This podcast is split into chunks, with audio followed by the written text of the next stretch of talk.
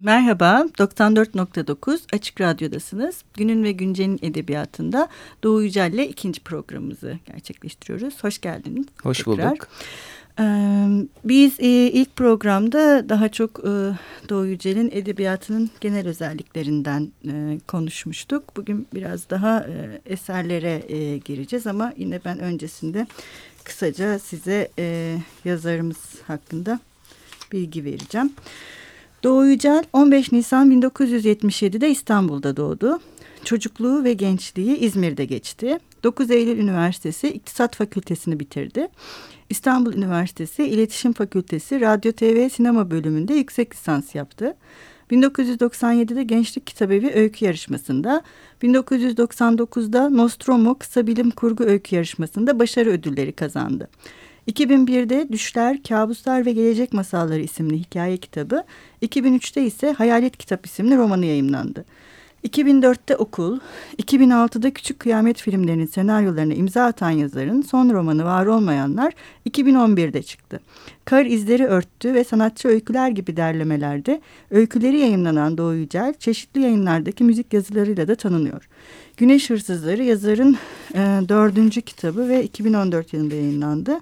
Son olarak da e, bu ay e, çıkan Kutlukan Kutlu ve Aslı Tohumcu'nun derlediği Güç Oburları adlı derlemeye Hayatımın Rolü adlı hikayeyle katıldı. E, bütün kitapları Doğan Kitapçılık tarafından yayınlanıyor Doğu Yücel'in. E, şimdi programın başında da bahsettiğim gibi biraz genel e, özelliklerden bahsetmiştik ama tabii şeyi de e, unutmamak lazım. Sanırım senin edebiyatının en tipik özelliklerinden birisi de bu günlük şeklinde yazmak. E, bu yine Güneş Hırsızları'nda da var iki hikayede ama hem var olmayanlar hem hayalet kitapta günlük önemli. Neden günlük bu kadar önemli bu kitaplarda ya da anlatının bir parçası neden bir anlatının parçası haline geliyor? E, gün, günlük hayalet kitapta evet aslında doğru. Şimdi fark ediyorum bu kadar baskın olduğunu. Ee, Hatta ha şeyde var galiba bu lafını kesiyorum ama Güneş Hırsızları'nda Mapusan.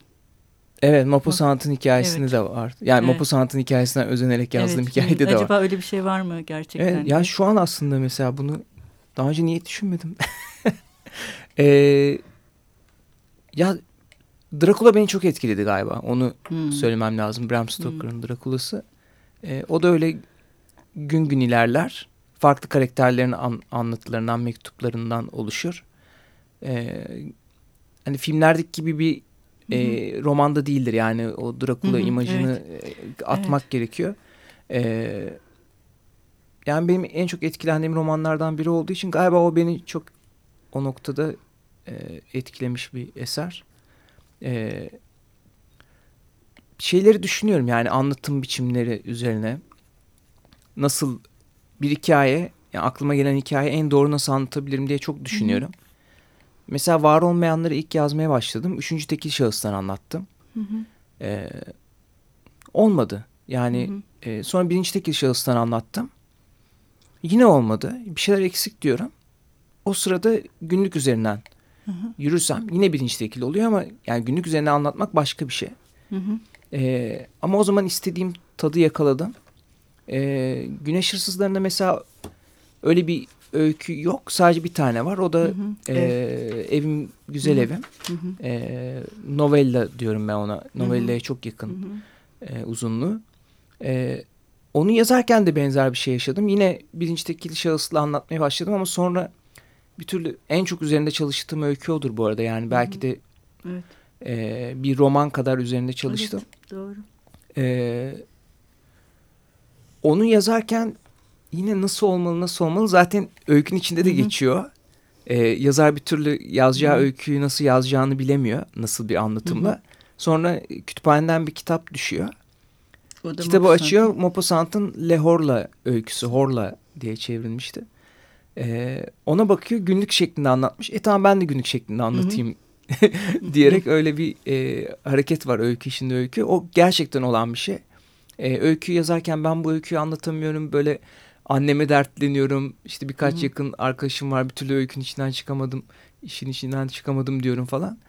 Sonra Aklar Kütüphane'de gördüm e, Karanlıkta 33 yazar diye bir derleme vardır. Hmm. Ya biraz kafamı dağıtayım. Biraz e, eski sevdiğim kitapları tekrar okuyayım dedim. O Karanlıkta 33 yazarı okurken orada Maupassant'ın Lehorlası ile tekrar karşılaştım ve o kararı aldım. Hı hı. Ee, ama, ama bundan sonra daha farklı anlatım biçimleri denemek istiyorum. Yani. Aslında şey bu hani hep geçen programda da konuştuğumuz işte bu hayal gerçeklik ilişkisi başka bir dünya mümkün meselesinde bu hani anlatıyı günlüklerle kurmak aslında bu konuyla da paralel bir biçim oluşturuyor bir taraftan.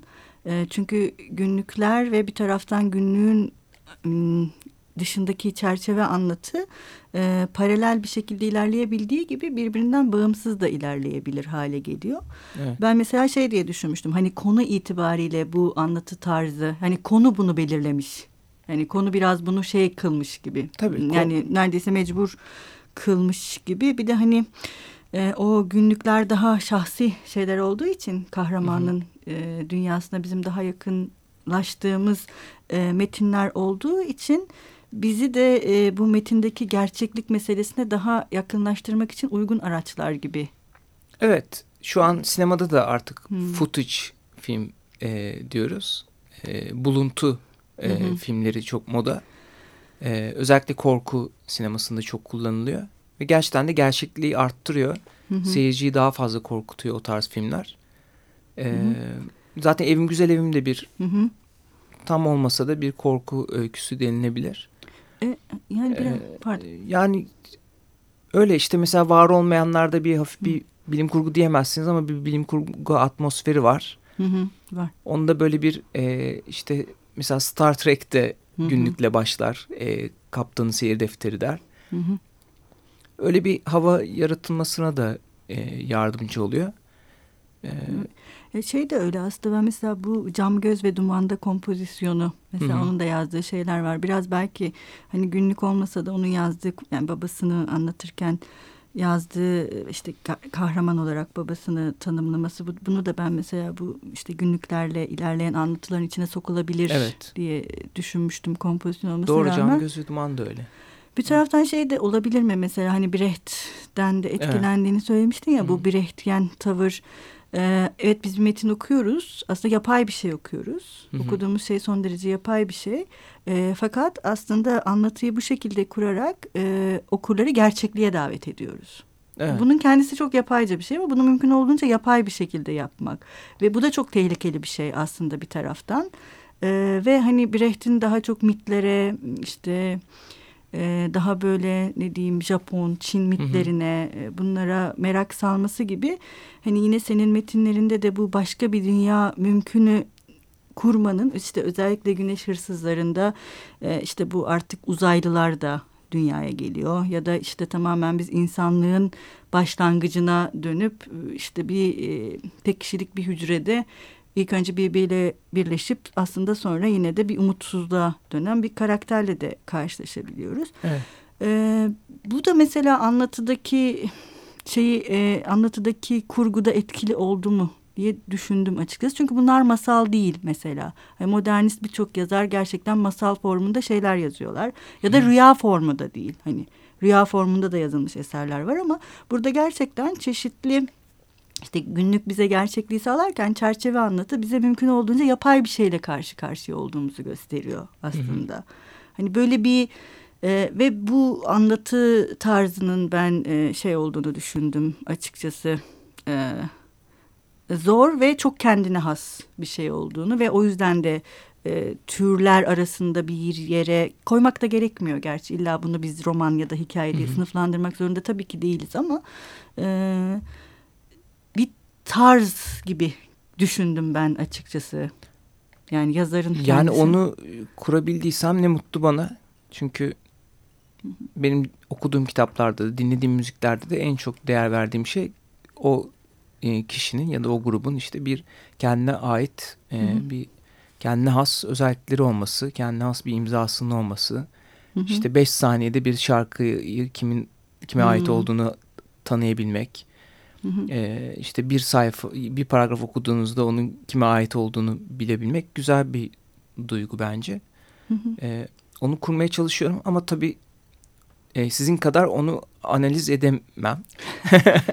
yani tekniğini. Yok, ama ben bir yandan da okur olarak hani şey yapıyorum. Evet okur. yani e, ama bir yandan da e, dedikleriniz aklıma yattı. yani o e, hep dediğim gibi beni etkileyen işte hı hı. Yani Cheo'dan da etkilendim, Brecht'ten de etkilendim. Hani bunlar birbirine biraz zıt. Evet. E, şimdi Maupassant'tan da etkilen, etkilendim. Maupassant'la Cheo e, birbirine zıt derler. İşte öykü iki türlüdür. Bence birçok öyküsü de birbirine Hı -hı. çok benzer. Onu da tam anlamıyorum. Neyse. Yani bu klişeler çok tehlikeli evet, aslında. Evet. Ee, ya önemli olan hani iyi öykü ya da kötü öykü yazmak. Hani kötü bir şey çıktığı zaman ben onu e, paylaşmıyorum. Onu iyi yapmaya çalışıyorum. Yapamazsam çöpe atıyorum falan. Hı hı. E, aklıma yatmayınca bir şey. Ama e, işte o e, etkilendiğim şeylerden kaptığım bazı Türkler var. Hı hı. İşte Brecht'in yabancılaştırma efektlerini hı hı. seviyorum. Evet. Alıyorum ama onu ha, sırf Brecht seviyorum şuraya bir yabancılaştırma efekti katayım hı hı. diye yaparsanız olmaz. Evet. Ee, zorlama olur. Ya da efekti o kadar okurun gözüne sokmaya gerek yok. Evet. Yani e, okurun o, onun gözüne... dengesini kurmak hı. önemli olan. Ee, işte Cam Göz ve Duman'da mesela hı hı. benim üzerinde en çok çalıştığım ve bana en çok böyle e, ter döküten E, hem fikri açıdan hem yapısal açıdan e, hem siyasi açıdan evet. bir öykü. Hı hı. Ama orada da işte o kompozisyon fikrini bulunca öykü açıldı ki aslında öykünün hemen başında ama hı hı. o sonradan e, evet. aklıma geldi. En doğru öyle anlatabileceğimi düşündüm. Çünkü bir de anısı da var. Ortaokulda çok kompozisyon yazardım. E, hoca hiç beğenmezdi ama ben çok uğraşırdım falan. Ee, sonra iyi yazar oldum falan. İşte o kompozisyon günlerine de dair bir şey ol, olmasını Hı -hı. istedim. Yok, güzel. Mesela işte o Noel Baba kim, kim öldürdü lan Hı -hı. isimli öyküde de Macera Tüneli Hı -hı. E, isimli seri vardır. Evet. Benim neslin gençliğini çok etkilemiş bir seri. Oradaki o e, sayfalar arasındaki geçişleri kullandım. Evet. E, Güzel. E, şimdi yine bir ara veriyoruz. ikinci Hı -hı. kısma geçmeden önce. Bu sefer ne çalalım? Yine Güneş Hırsızlarından bir şarkı seçmek istiyorum. Yani Güneş Hırsızlarındaki açılış öyküsü rüya tariflerinde bahsi geçen bir şarkı. Rodriguez'den Forget It. But thanks for your time. Then you can thank me for mine. And till that's said forget it. Don't be a name there's no one to blame no reason why you should stay here and lie to me Don't say anymore, just walk out the door, I'll get along fine you'll see. But thanks for your time, then you can thank me for mine. And till that's said, forget it.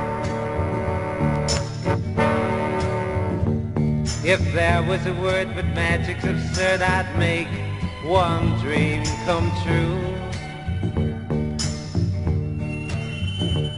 It didn't work out, but don't ever doubt how I felt about you. But thanks for your time, then you can thank me for mine. And down till that forget it.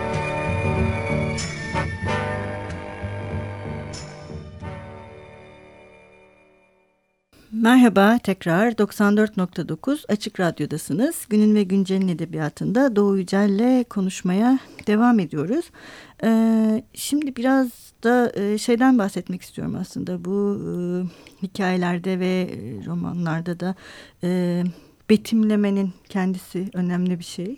Çünkü başka bir dünya ve hani işte bu dünyaya ait olmayan nesneler ya da olduğu gibi görünmeyen aslında bizim öyle olduğunu zannettiğimiz nesneler ve e, olgular var. Hı hı. Burada da e, geometri ve şekiller kendisi önemli bir hale geliyor. İşte var olmayanlarda hani kitabın kapağından başlayarak işte bu elips şekli. Hı hı. Ee, ya da işte uçan dairenin aslında hiç beklediğimiz gibi yuvarlak ya da elips değil dikdörtgen şeklinde olması değil mi? Bir hikayede de böyle bir şey var. Ee, yani bu bu neden biraz bundan da bahsedebilirsek. Bunu çünkü ben e, yani bana şey geldi açıkçası dikkatimi çekti. E, ya ben betimlemeler konusunda biraz e, kendimi çok iyi bulmuyorum. E, daha iyi betimlemelere sahip e, yazarlar okuyorum. Yani bir şeyi tarif etmekte falan bazen zorlanabiliyorum. E, ama bir şeyler bir şeyleri tetikliyor. İşte mesela e, var olmayanlarda benim bir rakam takıntım var. Yani her öykü, hmm. her kitabın hmm. bir e, rakamı var. İşte Düşler, Kabuslar ve Gelecek Masallarında 6 rakamı çok tekrarlanır. O da biraz hmm. 666 esprisinden hmm. geliyor. E, hayal, hayalet kitapta ise 13 rakamı çok hmm. tekrarlanır. E, onun da bir anlamı var e, kitabın içinde. Var olmayanlarda ise ne olabilir, hangi rakam olabilir diye düşündüğüm zaman tabii ki aklıma olmayan rakam sıfır hı hı. E, geldi. Sıfır da elips hı hı. E, şeklinde olduğu için e, onun bir tekrarlanması söz konusu. Hı hı. E, güneş hırsızlarında da mesela biraz çok olmasa da 12 rakamı tekrarlanır. 12 öykü vardır. Hı hı. E, ve birkaç öyküde de 12 rakamını tercih ettim.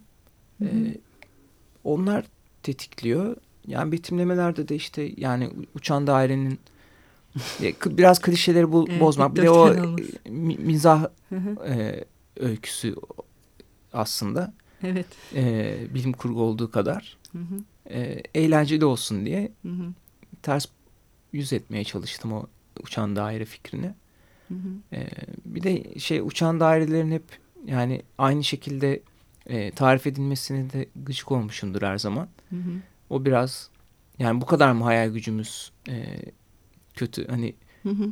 hep kaçırıldıklarını anlatırlar hep aynı şeyleri anlatırlar böyle evet. işte ameliyat evet. ettiler işte e, yuvarlaktı falan işte aynı tip falan. Ya ben onların hiçbirine inanmıyorum. E, ve hani tek tip olması da benim komiğime gidiyor. Evet zaten bu E.T.'nin yeni e, versiyonu da sevmiyordu galiba buradaki.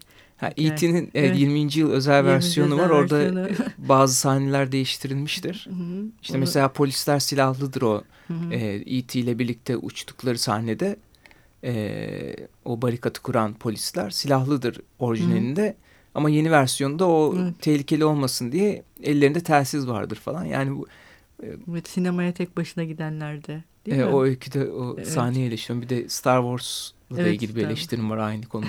evet.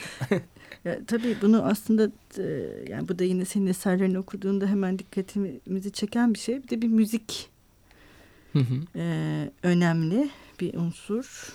E, bu neden önemli? E, yani aynı zamanda müzik yazarı olduğum için 13 yıldır hı hı. E, Blue ve Headbang dergilerinde hı hı. yazıyorum müzikte çok içli dışlı bir durumum var. Hı hı. Çok seviyorum. Ee, ilk yazmaya başladığım zamanlarda da iki sevdam bir arada gitmişti. Müzik hı hı. dinlerken yazıyordum. İşte şarkı sözlerine bakıyordum. Şarkı hı. sözlerinden öyküler çıkarmaya çalışıyordum. Onu devam ettiriyorum. Bazen bunu abarttığımı düşünüyorum. o yüzden mesela e, yeni kitabımda böyle kendime bazı engeller koymak hmm, koymayı aklımdan geçiyor hmm. geçiyor. Ee, ve mesela hiç müzik referansı olmasa mı diyorum ama öyle yaparsam da artık bu benim e, alamet farikalarımdan biri oldu. Böyle hmm. okurlar böyle kızabilir gibi de geliyor. Hmm. Ee, bakalım yani, yani benim için önemli olan içimden geleni yapmak aslında.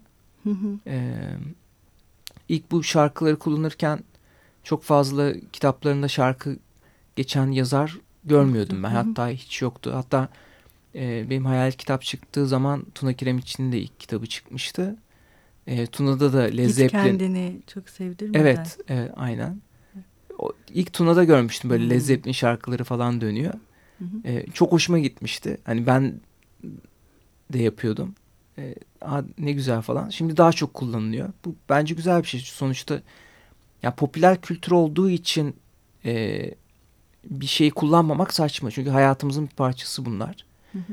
E, ve popüler kültür kullanmak bazen yabancılaştırma efekti gibi gelebilir ya da böyle bir sığ bir şeymiş gibi gelebilir ama bence e, şey katıyor, gerçeklik katıyor. Bu Hı -hı. Emrah Serbest'in son kitabında mesela işte marka kullanımlarını eleştirdiler. Hı -hı. Ama evet. o bizim hayatımızın bir parçası yani yapabilecek evet. bir şey yok yani. Ee, Peki bu form olarak etkiliyor mu anlatıyı? Müzik? Form olarak şöyle etkileyebiliyor. Yani yazarken müzik dinlediğim için hı hı. mesela dinlediğim şey nüfuz edebiliyor. Yani onun melodisi, onun dur kalkları ya da hı hı. işte crescendoları falan. Hı hı. Bir şekilde bence etkiliyor. Yani hı hı. bir melodik bir şey katıyor. Hı hı. Ee, bir de istersen son olarak şeyden bahsedelim. Madem çok yeni bu güç güç oburlarına olan güç katkı, oburlar güç aslında. oburlar pardon. Evet. Ee, ona olan katkından ve e, hani bu burada... yeni yeni bir derleme. Geçen sene konuşmaya başlamıştık.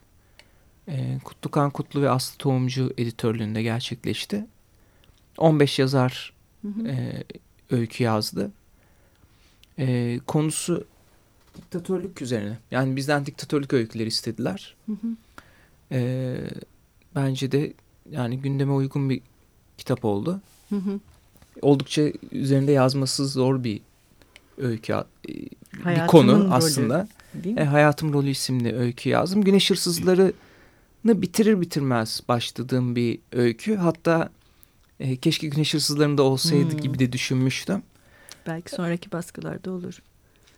Bakalım yani artık sonraki öykü hmm. kitaplarını belki koyarım. E, ama yerini buldu. Çok da e, önemli yazarlarla hem sevdiğim hem saydığım yazarlarla birlikte olmak gurur ne verici güzel. bir deneyim oldu. İşte Yekta Kopan, Hakan Günday, hı hı. Nermin Yıldırım, Tuna Kiremitçi, e, güzel. Hakan Bıçakçı. Çok, Çok yazar var. E, bugün de maalesef bize ayrılan e, süre dolmuş durumda. E, bugün neyle veda edelim dinleyicilerimize, okurlarımıza? Var olmayanlardan, var olmayanların e, manifestosunun anlatıldığı hmm. bir bölüm var. Orayı okuyabilirim. Evet, e, bu haftada e, programımızın sonuna geldik. E, haftaya e, programımızda Hakan Bıçakçı ile birlikte olacağız. Hoşçakalın, görüşmek üzere. Artık bir birliğimiz var. Bir ismimiz yok, birçok ismimiz var. Hayalciler, sıfırlar, var olmayanlar, yarım yamalaklar, hayalperestler, yok sayılanlar, olmayanlar, hiçler. Neden sıfırız, neden hiçiz, neden var olmayanlarız?'' Çünkü varoluşumuz gerçekçilerin en ince ayrıntısına kadar tasarladığı sisteme, yeniden yarattıkları bu köhne düzene uymuyor. Herkes dışarıda güle oynaya yaşarken bizim çektiğimiz ıstırabın kökeni bu. Biz onlar gibi değiliz. Onların uydurduğu bu hayata adapte olabilmemiz mümkün değil. Doğanın dengesini bozup dinle, parayla, reklamla, zorbalıkla tüm insanoğlunu köle haline getiren onlar. Bizi yok sayıyorlar. Biz de var olmayı reddediyoruz. Var olmadan, görünmeden, fark ettirmeden gerçekliğin ayarlarıyla oynuyoruz. Biliyoruz ki dünyayı gerçeklerle değil, hayallerle değiştirebiliriz. Devrim şimdi, tam şimdi.''